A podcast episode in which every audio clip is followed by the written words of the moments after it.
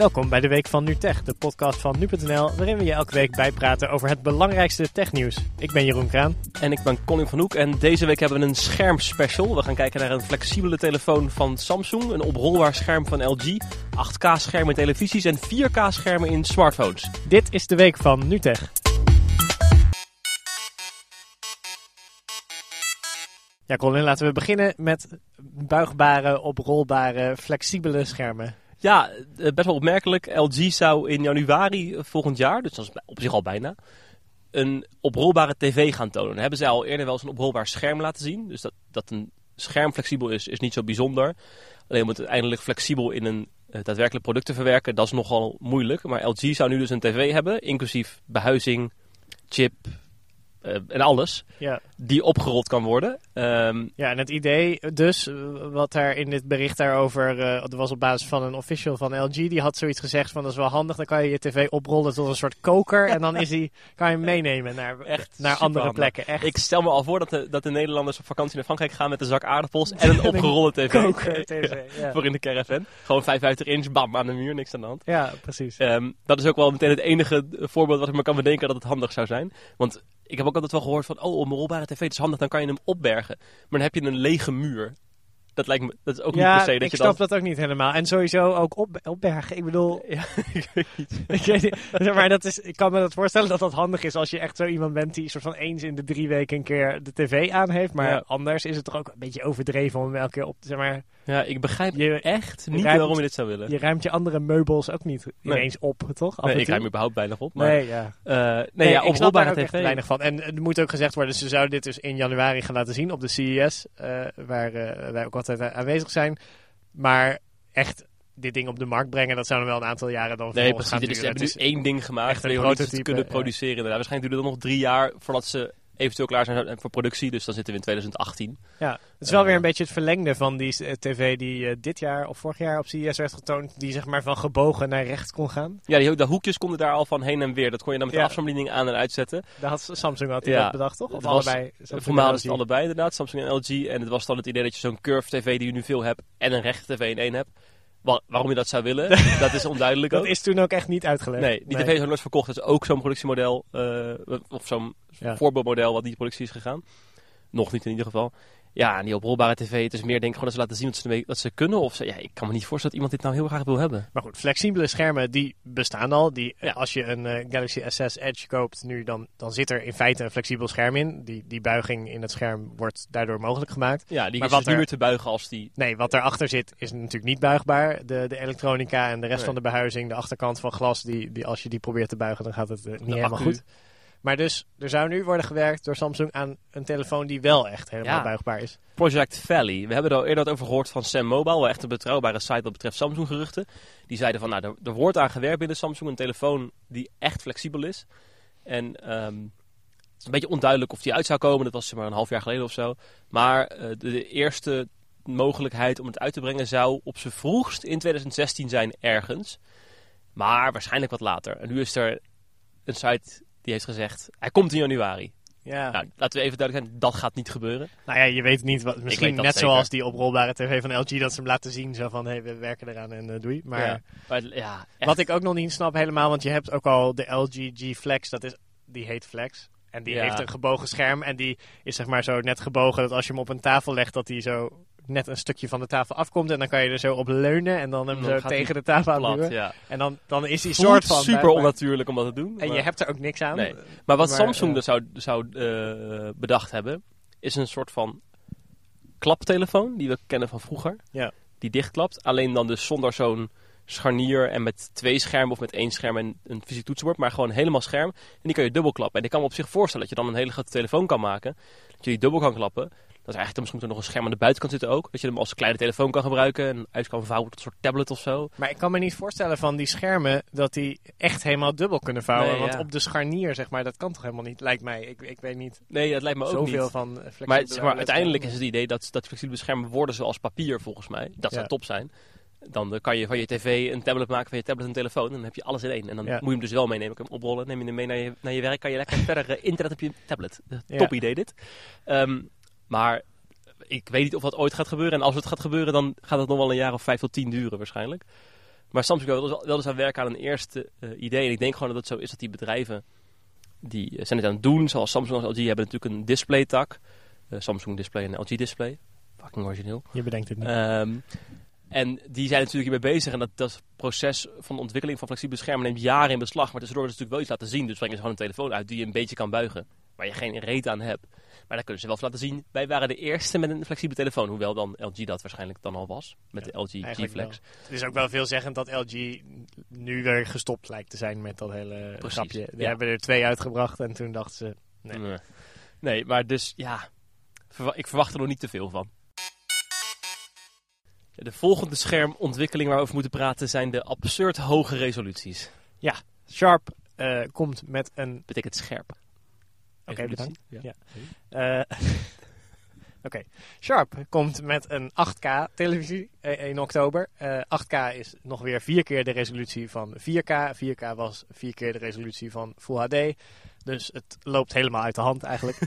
Eh, ja, en even voor de duidelijkheid. Er is ook nog bijna geen 4K content. Nee, precies. Laat Netflix heeft net 8K. een paar 4K-series en Sharp dacht, ja, dat eh, willen we vier naast elkaar van eh, op één tv hebben. Dat is heel Ehm, handig. Een 85-inch ding, het is voor de duidelijkheid compleet gericht op het zakelijk leven. Waarschijnlijk meer, zeg maar, echt voor bedrijven of zo die dat ergens heel groot willen neerzetten en daar hun e- eigen ideeën voor hebben hoe ze dan dat 8K-scherm gaan vullen. Want inderdaad, 8K-video's zijn er niet of nauwelijks. Nee. Ehm, maar ja, dus, dus de, het, het is wel een teken van dat die, die resolutie verder blijft oplopen. En de vraag is, A, heeft het zin? Want Nee. ik denk niet dat je het kan zien. Ik heb wel wat tv's gereviewd voor nu.nl en eh, ook 4K tv's. En als je een 55 inch tv hebt, wat echt best wel heel groot is. De gemiddelde maat in Nederland is volgens mij zo'n 42 inch of zo. Ehm, en zit je in je woonkamer neer, ik zit op 2,5 meter van mijn eh, tv af ongeveer. Nou, daar zie je er niks van. Echt Ja. niet. Dat kan je niet zien. En het is ook gewoon, dat blijkt ook uit metingen of je ogen... eh, Je kan al niks zien, sorry, bedoel je, je kan niks zien van Ultra HD al. nee, precies. Ten opzichte van Full HD. Exact. Oké. Ultra HD is wel handig voor 3D bijvoorbeeld, waar de resolutie door de helft gaat en wat er twee beelden worden getoond. Dus Ja. je 3D-beelden worden scherper, maar ja, Maar 3D is dan weer belabberd. exact. Wie wil er naar 3D kijken? Ja, oké. Dus oké, maar 4K op een grote scherm waar je dichtbij gaat zitten. nou, ik begrijp dat nog wel. Het is een beetje op een randgeval. Zie je het wel, zie je het niet. Prima. Mooie verkooptruc. Sommige mensen vinden het mooi. Niks meer aan doen. 8K, dan moet je een 100 inch tv gaan hebben of zo. Ja, Ja. Nee, ja, ik snap dat dus ook niet helemaal. Maar de, een beetje wat ik denk is dan het risico nu is dat er toch een soort wedloop ontstaat. ik denk het ook. En dat, dat dit echt een ding wordt. En dat die, die tv's ook nog eens een keer belabberd duur gaan worden. En dat Ja. men gaat proberen om iedereen, onze 8K-tv aan te smeren. Ik, ik, ja, er, er, de afgelopen jaren wordt al af en toe zo'n 8K-model ergens getoond op de CES bijvoorbeeld. Ja, maar dan is het altijd zo van een prototype. Leuk, kan je, kan je zien dat, het, dat we dat kunnen, zeg maar. Maar Ja. nu dat die echt op de markt wordt gebracht, ben ik toch wel een beetje bang dat het echt een ding wordt. En dat is, lijkt me niet per se nodig. Nee, ik heb een beetje hetzelfde eh, gevoel bij die gebogen schermen. Ehm, tv's zijn gewoon inmiddels heel dun. Hebben een dunne rand. En eh, hebben, zeg maar, kunnen allemaal een beetje dezelfde beeldkwaliteit hebben. Ja. Hoewel er nu OLED is. Nou, zullen we niet verder op ingaan eh, nu. Maar, dus het is moeilijk om te onderscheiden en moeilijk om vernieuwing aan te tonen. Maar toch wil je graag het, eh, dat je elk jaar een nieuwe tv-lijn kan presenteren.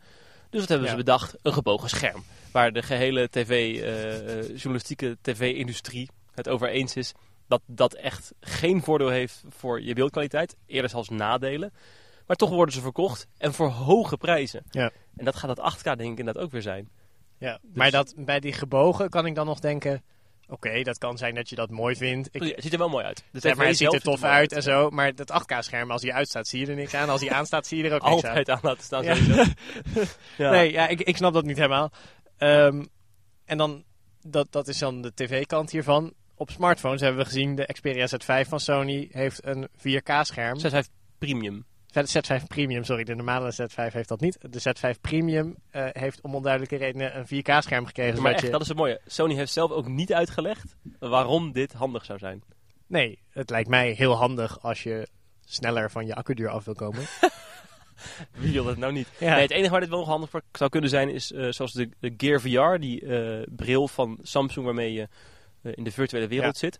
Daar schuif je een telefoon in. Die zit dan echt op 5 centimeter van je ogen of nog minder.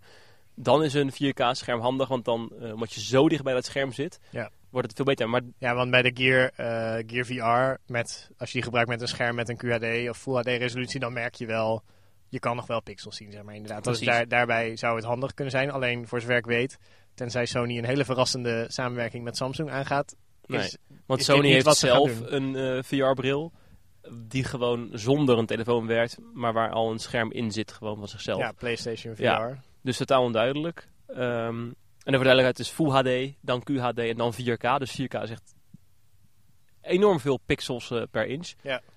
En die QHD-schermen, die, die, ja, die trekken je batterij over het algemeen ook wel redelijk snel leeg. Ik Ja. eh, zet, zit zelf altijd liever gewoon met een Full HD-scherm, want het verschil zie je ook daarbij niet. Nee, vind ik ook. En het mooie is dat Sony, die heb ik eh, jaarlijks op Mobile World Congress geïnterviewd. Eh, dezelfde man eh, hierover en ook nog een andere man van Sony.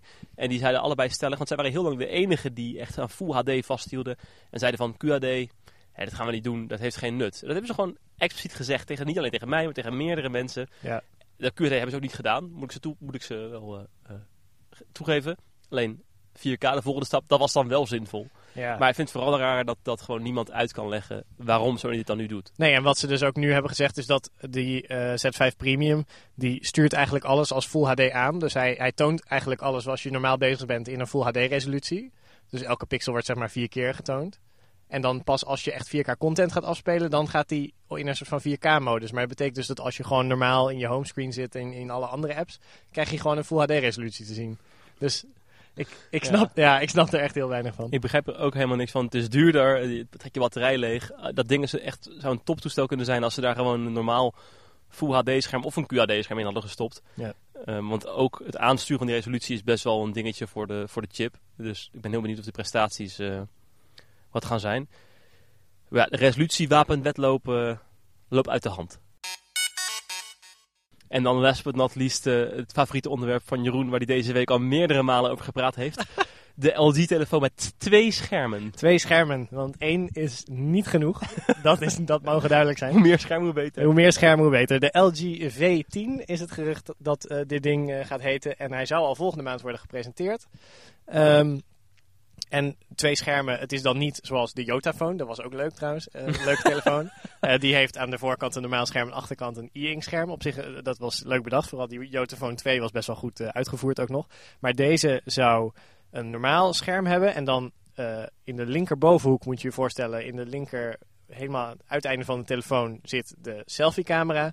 En daarnaast zit nog een klein rechthoekig scherm.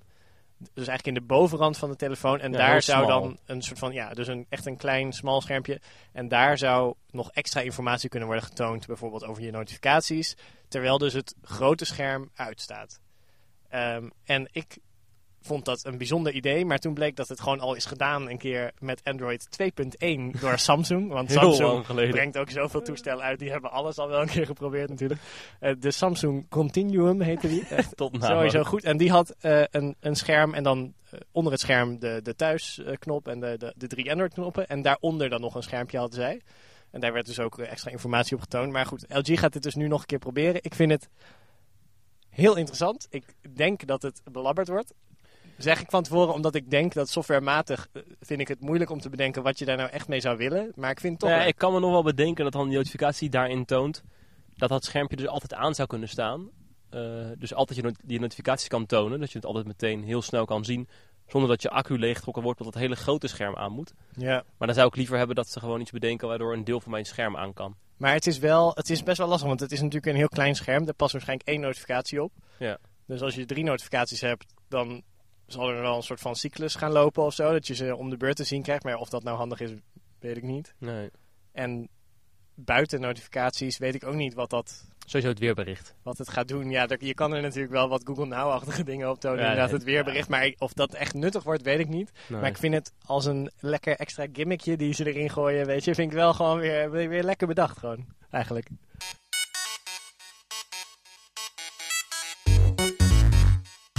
Dat was het weer voor deze week van NuTech. Je kan ons de hele week blijven volgen op allerlei sociale media en natuurlijk op nu.nl. Volgende week zijn we er weer. Laat ons via tech.nu.nl weten wat je van deze podcast vindt. En dan eh, spreken wij jullie volgende week. Tot dan.